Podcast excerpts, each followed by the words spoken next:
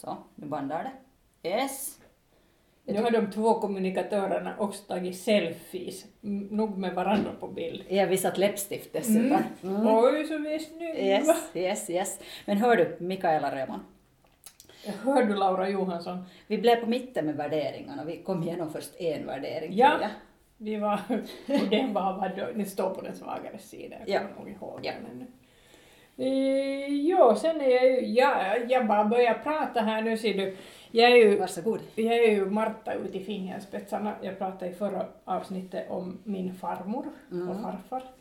Och det är ju, jag menar som barn av 70-talet, så, så att leva med då den äldre generationen, så jag har ju lärt mig just det här, ta tillvara allt, Yes. lappa kläder, gör mat på exakt allt du har hemma, släng aldrig Oj, någonting. jättebra.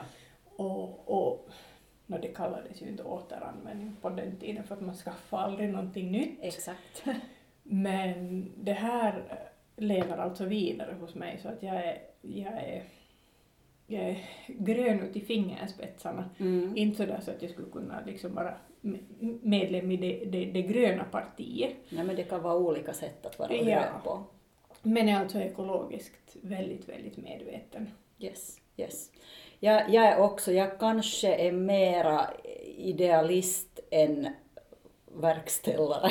Eller hur ska man säga? Att jag, jag liksom vet att jag skulle kunna göra bättre ännu. Att jag har liksom det här med återvinning till exempel av, av liksom dagliga roske som Mm. man har så märker jag att när jag har bråttom så far det lite dit som det råkar att den här liksom vad heter jag kan de här på finska de här uttrycken biojätte, bioavfallen Mm. så det här när, när jag har allt okej hemma och jag inte har panikbråttom så då gör jag allt rätt men sen när jag har bråttom så märker jag att jag börjar liksom lite, lite slira, slira Mm. mot att allt hamnar i samma, samma skräpkorg.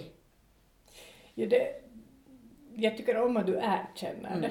För, för det är ju, jag menar, den här gröntvätten som många gör alltså i sitt eget liv är ju Mm. att de, de, de faktiskt tror att de är verkställare Ja. men, men, men slarvar just på Ja. det där sättet. Att jag är ju på det sättet nihilist.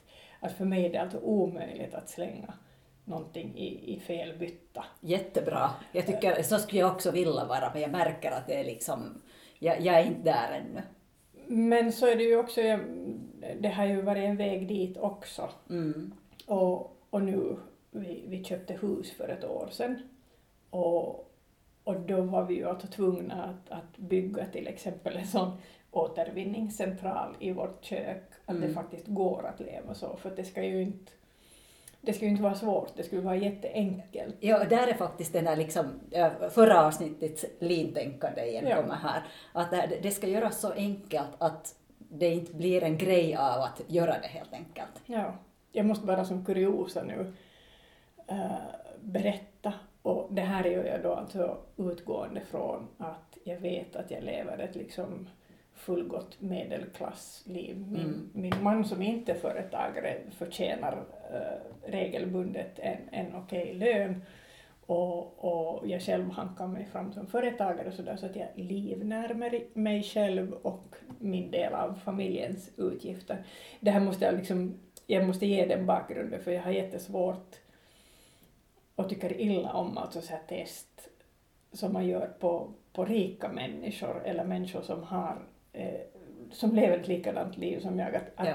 testa att leva på 50 euro i, i, i veckan. Yes. För, för det är en annan sak om man är tvungen att leva på 50 Ja. euro i veckan.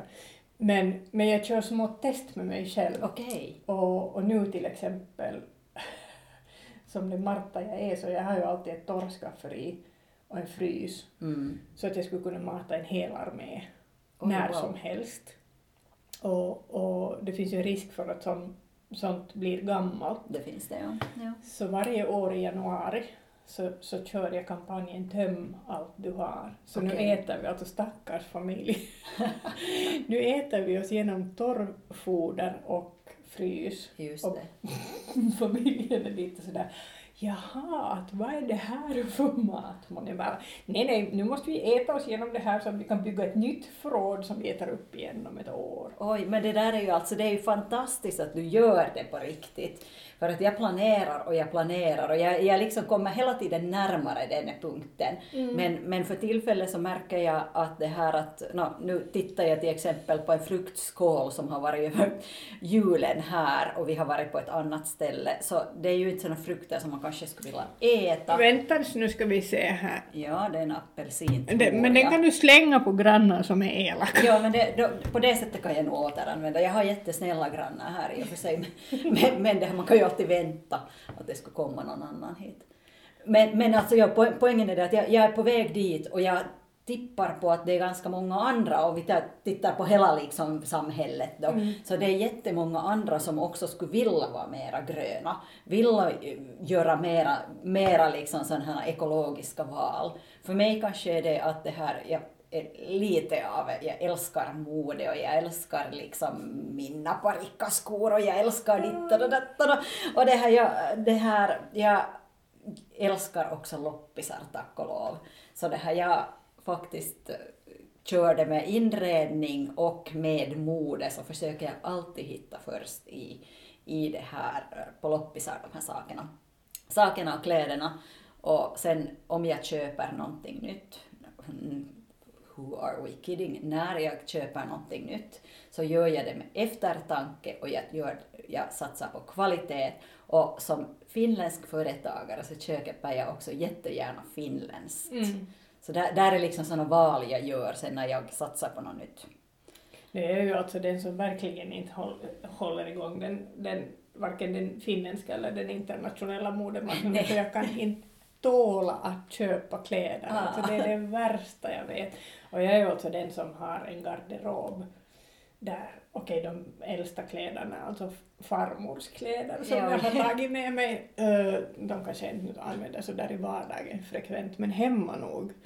Men, men annars så har jag alltså egna kläder som kan vara alltså 20 år gamla. Wow. Men då ja. har de ju också hållit åtminstone. De har hållit verkligen länge, ja. ja. Jag menar det är ju också en, en del av det här med ekologiskt tänk, att man håller länge de här kläderna. Mm. Även om det skulle vara köpt då från fel ställe. Mm.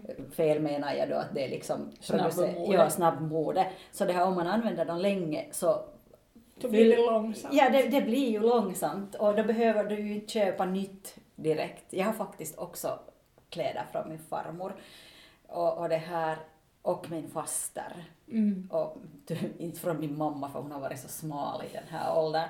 Eller som yngre, yngre så ryms inte in, in, i någonting. Jag ryms knappast i de här andra heller nu för tillfället men jag har dem kvar. Mm. Och nu är det ju en annan kvalitet på dem än vad det är nu för tiden. Ja, bara det där No, nu låter ju som någon form av nationalromantiker men, men det är ju liksom jag menar i synnerhet när jag klär på mig farmors städrock. Oh. Så jag menar, jag är ju tillbaka i min egen barndom på 70-talet och hon står i köket och, och, och tillreder mat. Oj. Och det var alltså bara som kuriosa om henne igen. Så eh, då, då hon trillade av pinnen och jag, jag tömde mina farföräldrars först hus och sen lägenhet så jag har alla hennes receptböcker och allt från det att hon hade gått alltså i husmorsskolan som liten. Oh, wow. Och och det har jag alltså gjort till en grej med, med mina barn igen som nu är jätteintresserade mm. av att vara i köket. Att vi, vi gör alltså saker som, som jag kommer ihåg ur min barndom, ur de recepten. Nej, vad härligt. Och så pratar vi jättemycket om mina farföräldrar och också om, om mina föräldrar. I och med att jag menar, de, de är alla döda nu. Ja, de finns inte mer. Alltså då... Så jag försöker hålla dem i liv. Jättehärligt. Ja. Det här nu hoppar jag till ett helt annat ämne faktiskt. Ja. Vi skulle kunna diskutera far, farmor hur länge som helst ja. faktiskt. Jag har också en ljuvlig farmor. Men, Kände de månne varandra? Det måste vi någon gång utreda. Ja men ser du, hon är från Karelen. Aj, Så jag tror inte, det finns ju en möjlighet förstås. Men, men Kanske har stött på varandra i ja, missionsfåret. Farfar har troligtvis känt henne. Aj vad ljuvligt. Ja. Nåja, men nu var vi... Ja, men, men på tal om gröna värden så är en sak som jag har uh, jättenära hjärtat så är skogarna. Mm. Och det här går jag lite upp i varv med. Okej, okay, jag är förberedd. Du är för bra, för att det här, jag, jag har faktiskt tendensen att lite, lite det här bli irriterad Ja. Man ska inte säga elda upp sig. Elda upp. Nej, man ska inte nej, elda upp skogen. Nej, men det här, ja, när det handlar om skogsbruk, Mm. så jag, jag kommer ju från skärgården ursprungligen. Jag är, jag är en skogsägarens dotter. Och, och det här, jag har jobbat med skogsvårdsföreningar också, eller en skogsvårdsförening speciellt. Och, och det här, jag, jag har liksom levt i skogen en stor del av min barndom. Jepp, jepp, re- revisita. Och det här, jag tycker om att plocka svamp. Mm. Och min bästa svampskog finns inte mera för att det var någon jäkel som hade farit den helt och hållet. Och det här tycker jag är grymt i Finland. Och här är ju liksom inte bara Finland utan där är ju hiilinielu vad det heter på svenska, jag kommer inte ihåg. Kolsänk. Kolsänkan, tack för det. Så det här, det, det finns ju liksom så många olika aspekter på det här. Varför i all sin dar, och jag förväntar mig inte ett svar av Bra. dig, så fäller man skog på det sättet att allt tas Man bort. skövlar det. Man skövlar det, Mm. ja. Ja, Förintar skogen. Ja, överhuvudtaget är det ju lite intressant också det här, förlåt det här är ett sidospår nu, det. det, det är också, skogen är med här också, men, men det här med att äga någonting i, i Finland är ju ganska intressant just i och med att, att får man som skogsägare hundraprocentigt bestämma över sin egen Mm. skog. Nu äger jag ingen skog själv, min, min man gör det, men, men jag har ju bilden av att det kanske inte är så, att även om det här är liksom du har köpt det eller du har fått det i arv eller, eller what not, men du har den här skogen och det finns alltid någon som kan komma och säga vad du måste göra med den. Ja. För annars kommer det böter eller någon skövlar den eller Ja. någonting annat. Ja. Och här är det, det är lite samma som med det här gröna tänket att, att det är inte så svartvitt. Mm.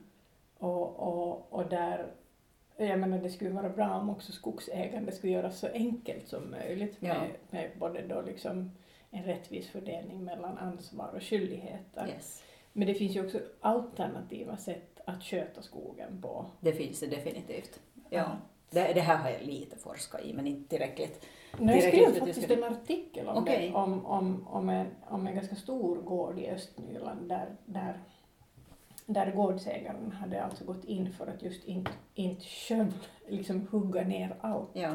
utan med, med hjälp av då liksom anställd eh, lokal arbetskraft Mm. liksom handplocka de träd som måste fällas just då. Yes. Eh, Nå, det blev en hel artikel om det så jag ska inte lägga ut texten om det här men, men just det där att, att det fick stå kvar träd Mm. som skyddade de, den nya liksom växtlighet som sen skulle växa upp. Ja.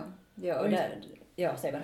Ja, för det är ju också, no, det var ett, ett, ett så här liksom kulturhistoriskt eh, område annars också, men, men alla ingrepp som görs, till exempel i din svampskog, Mm. är ju också ett, det är ju ofta alltså ingrepp som känns som angrepp. Det stämmer. För, för, det, för det är förknippat med kanske en väldigt lång historia Mm. och, och liksom minnen Mm. och framförallt svamp. Svamp och välmående. Ja, och, och ja, som den här artikeln, jag tror att jag skrev den på landsbygdens folk, eh, det, det finns liksom ett alternativ där, där Mm. svampskogen åtminstone till delar kunde ha bestått. Absolut. Och Men jag är alltså fullständigt okunnig i fråga om liksom Jag- skogs... jag har ägor. jag, jag har diskuterat det här med bland annat Skogsvårdsföreningens Mm. representanter i Pargas Mm. och med min pappa Mm. som är 70 år. Och, och det här, eh, de har ju en lång historia, bo, båda parterna med skog förstås och, och har jobbat och min farfar dog i en skog också i en Mm. olycka. Och det här, eh, ja, exakt det där som du sa, att det finns alternativa sätt att göra.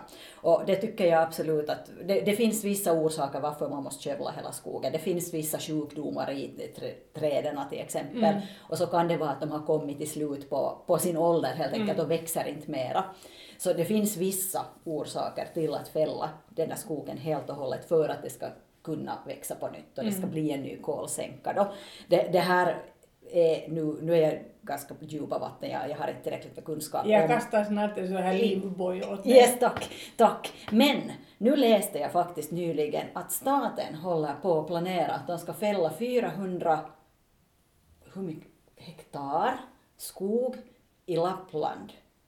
För att, Jag vet inte för att, varför? för att de kan. För att de ska fälla, och om, om jag nu har tolkat det, det kan vara att jag har tolkat lite över också här, men jag förstod att de ska faktiskt fälla allt på vissa områden. Och då tycker jag, i och med att det har varit mycket diskussion om det här med att äh, sköta om skogen så att det liksom är både ekologiskt och ekonomiskt vettigt, så det här, jag tycker att staten av alla instanser inte borde göra så här.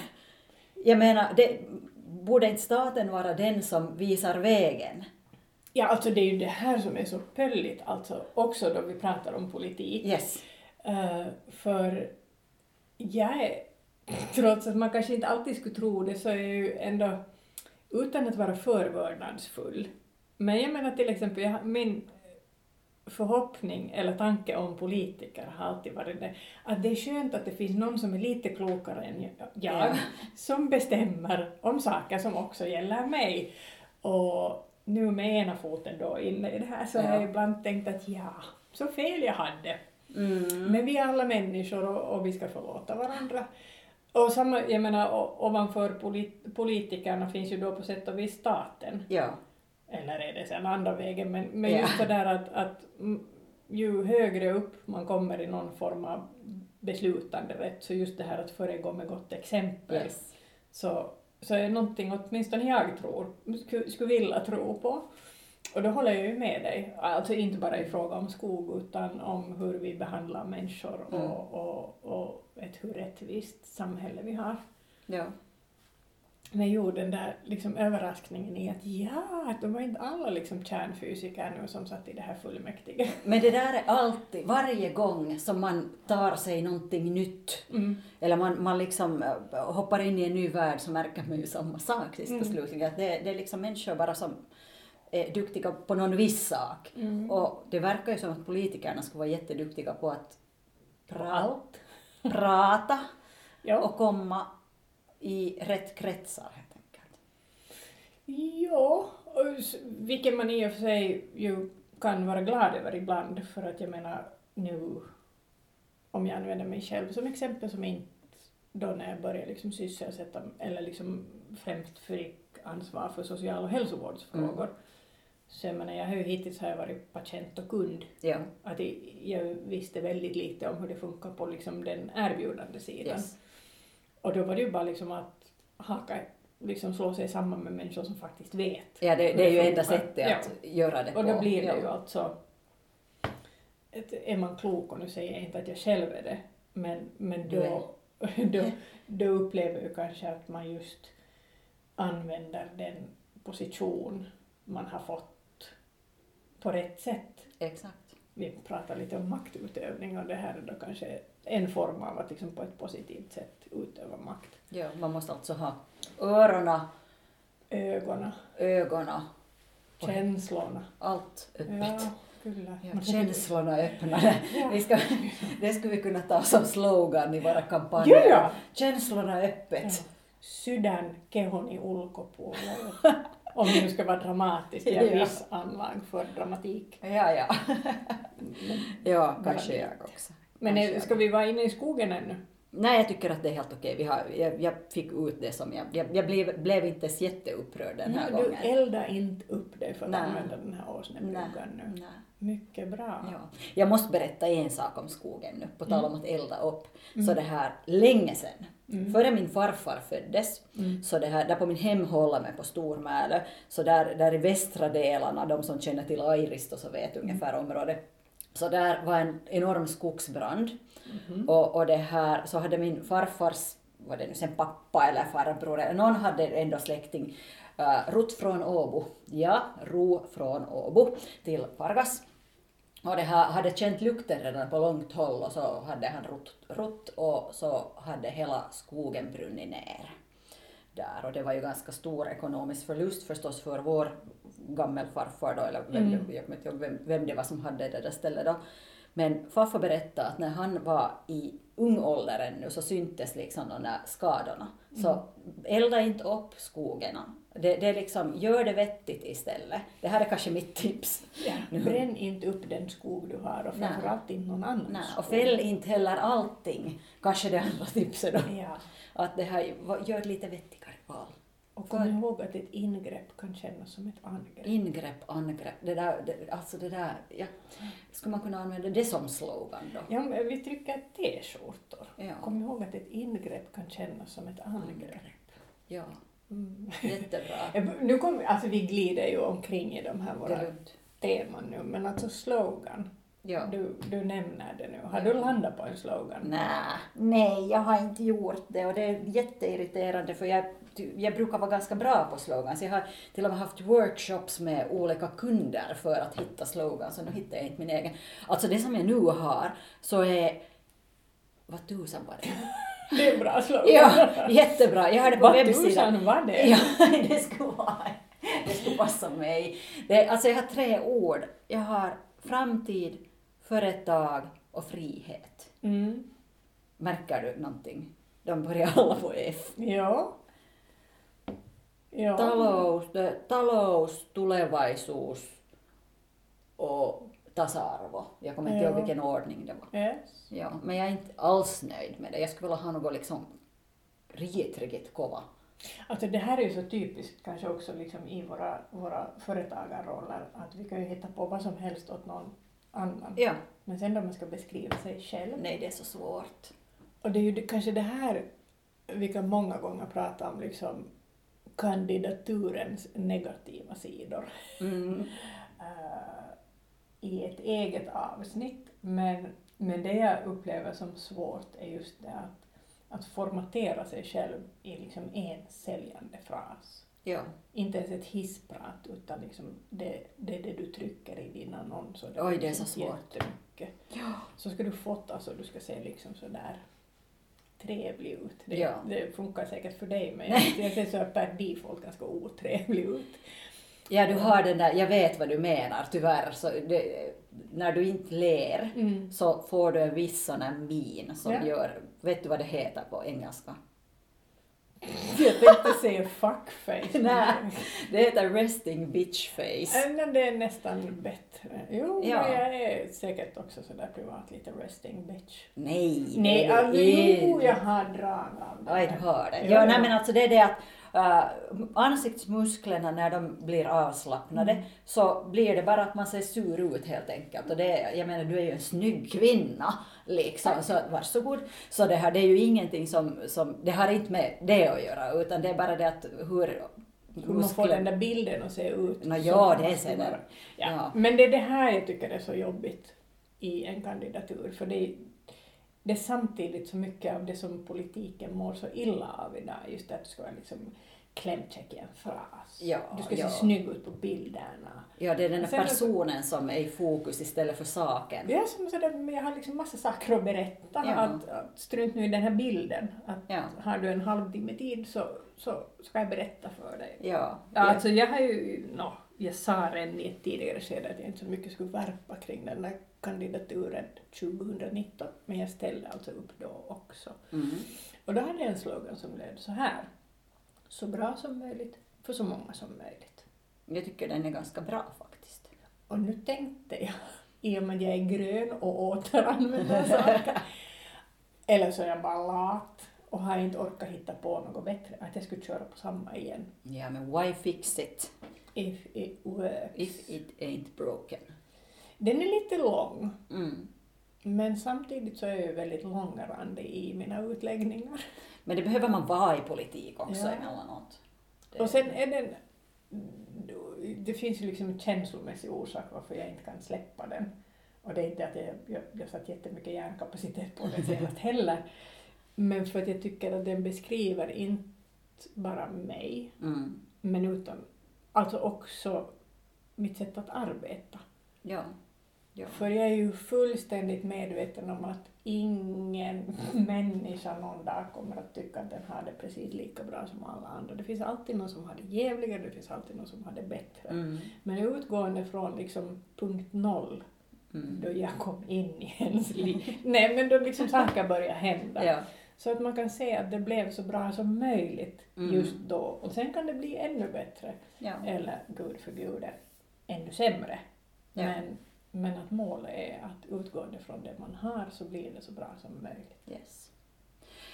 Uh, sloganen kommer jag inte att... Jag, jag är helt fast med den Mm. faktiskt och det här, vi kan kanske bolla kring den. Mm. Men jag, jag tänkte att jag skulle ta ett uttryck som passar bra till din slogan och lite också, också kanske det där lean-tänket som vi pratade om Mm. tidigare. Uh, som används ofta i försäljning i företagsvärlden och jag hatar det uttrycket Mm. där, men samtidigt har den viss sanning i sig. Low hanging fruit. Mm. Du vet det där uttrycket. Mm. Det, det, man liksom plockar de frukterna som är färdiga, fallfärdiga eller de är liksom närmast, närmast en som man inte behöver jobba så hårt för. Mm. Och där tänker jag att man skulle kunna inom politiken så, så det här ta tag i de sakerna som är fel som går enkelt att korrigera. Det som syns hela tiden. Hela tiden, ja. Och som, som är liksom lätta att fixa. Mm. Istället för att titta på en jätte, jätte enorm klump som, Mm. jag menar marginaliseringen nu som vi pratade om tidigare. det Så är ju så här semi-abstrakt. det är jätteabstrakt, det är enormt, det handlar om jättemycket människor. och Olika människor. Olika människor, olika slags problem, olika slags utmaningar, en massa liksom olika grejer. Så plocka det där isär i små delar och så plockar man Mm. low hanging fruit, fruiterna, de som vi kan hjälpa snabbt och enkelt. Så att vi får dem åtminstone att bra, må bra, så kan vi fokusera på följande sen. Jag vet att jag går tillbaka lite till förra avsnittet. Det är helt okej. jag, bara det, det där uttrycket low hanging fruit passar hit. Och det är ju också ofta ganska, precis som du säger, att konkret. Det kan till och med alltså handla om att hjälpa en människa. Och nu Mm. landar vi igen på det här att oavsett om det är då liksom som riksdagsledamot eller som människa, Yes. för det är ju ingen skillnad, det borde inte vara någon skillnad Nej. på de här två. Och, och det är kanske det jag tycker att politiken, som fortfarande är en del av vardagen, ändå ger, då den tar ganska mycket, Mm. är just den här benägenheten att, att se alltså, jo, marginaliseringen som fenomen, men också att se människan och på något vis hela tiden ha hakarna liksom framåt på det, att, att, att jag tror att jag kan hjälpa den här människan Ja, ja, exakt. utan att bli en life coach. Ja, nej. Men, men, men liksom Nej, bidra till att det fixar sig. Ja. Och, och oavsett jag menar, hur det går i valet så, Det- så, och så fortsätter det ju. Det där, det, är faktiskt ett av de de här uttrycken eller de här sloganerna som jag bollar med så sa du just det fixar sig. Är sant? Ja, Nej men där Ja. är det ju! ja, för att det, det var någonting så jag har mitt lilla, lilla team av, av det här i kampanjteam. Mm. Så, och det här jag frågade av dem att varför tycker ni, eller liksom säg orsaker varför ni tycker att jag skulle, borde bli invald, varför någon ska rösta på mig. Ja. Och då, jag menar man kan ju inte hänvisa till min långa politiska ka- karriär Inte ännu. ännu. Men, men det, här, det som en av dem sa så var att du reder ut saker, om du inte vet någonting så tar du reda på det. Och, och, och det här, du ser till att det fixar sig. Det fixar sig. Ja men det är strålande. Ja, men, men det säger ju ingenting. Och jag menar, jag kan ju inte gå och lova att, Det fixar sig. ja, Mm, Nej, det, alltså, jag, jag fastnar vid det här, du kan inte lova och det, det är ju, jag menar, det borde vara, om det fanns en handbok för så här blir du politiker, Mm. så är det säkert budord nummer ett, lova aldrig någonting. Nej.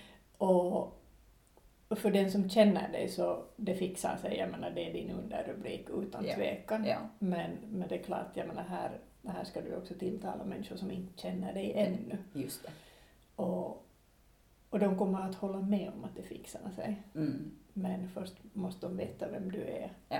Och här sitter vi nu och poddar så att de ska lära sig. Ja, exakt, exakt. Kyllä. Ja. Mm. Ja. Nu ska jag kolla på. Vi har pratat en halvtimme nu. Det är sant, jag Ja. trodde att vi hade suttit tio minuter. Ja, jag här. också. Jag också. Så att det här, jag tror att vi ska avrunda det Ja, men det här blir, varje avsked blir svårare och svårare. Ja. Men vad har, vad, ska vi gå igenom nu vad vi har lärt oss, Laura? Men jag har glömt här bort podden? allting igen. Igen? Jag är helt sån att jag måste lyssna på det här så sen, sen sjunker det in. Men, men, men, men, nu ska vi tänka. Vad har du, vad har du sagt nu den här gången? Jag kommer inte ihåg ett Vi börjar ord. med, med värderingen Ja, och, och vi pratar om det, det, de olika sätten som vi försöker vara så ekologiska och ah, medvetna som möjligt. Uh, ja, därifrån faktiskt, nu när du nämner det. Alltså sån här är jag, jag det behövs en viss upprepning för att Mm. jag tar tillbaka saker och ting. Det är därför jag är ditt minneskort. Ja, det är mitt minneskort, jättebra. Det här, ja alltså det här med marttailu, som man kallar det på finska Ja. åtminstone, så marttaliv liksom. Så det, jag skulle vilja bli bättre på det. Mm. Och kanske det, en sak som jag reagerade på var att ni har fixat i köket så att det är enkelt. Kanske jag fixar ett kök så att det ska vara så enkelt som möjligt. Det är inte riktigt enkelt för tillfället. Alltså jag har pafferna på fel ställe och biojat är lite hur jag orga- organiserar varje dag olika. Så, så det här, kanske jag tar tag i det. Men bra, jag kan komma som, som, som sån här liksom organisatör. Eller Mar- life coach. Just det. Ja. Ja. definitivt life coach. Eh, jag har lärt mig det att eh, lite den här liksom alla känner apan men, Mm. men apan känner ingen. Så jag menar nu måste vi ju vända på det. Mm. Och en av våra liksom största utmaningar och, och det jag nu tar med mig härifrån är det att, att en- med all respekt för människor som känner mig, men i fråga om en kandidatur inför ett val så är ju jobbet i det att, att få människor som inte känner dig eller mig Yes. att A.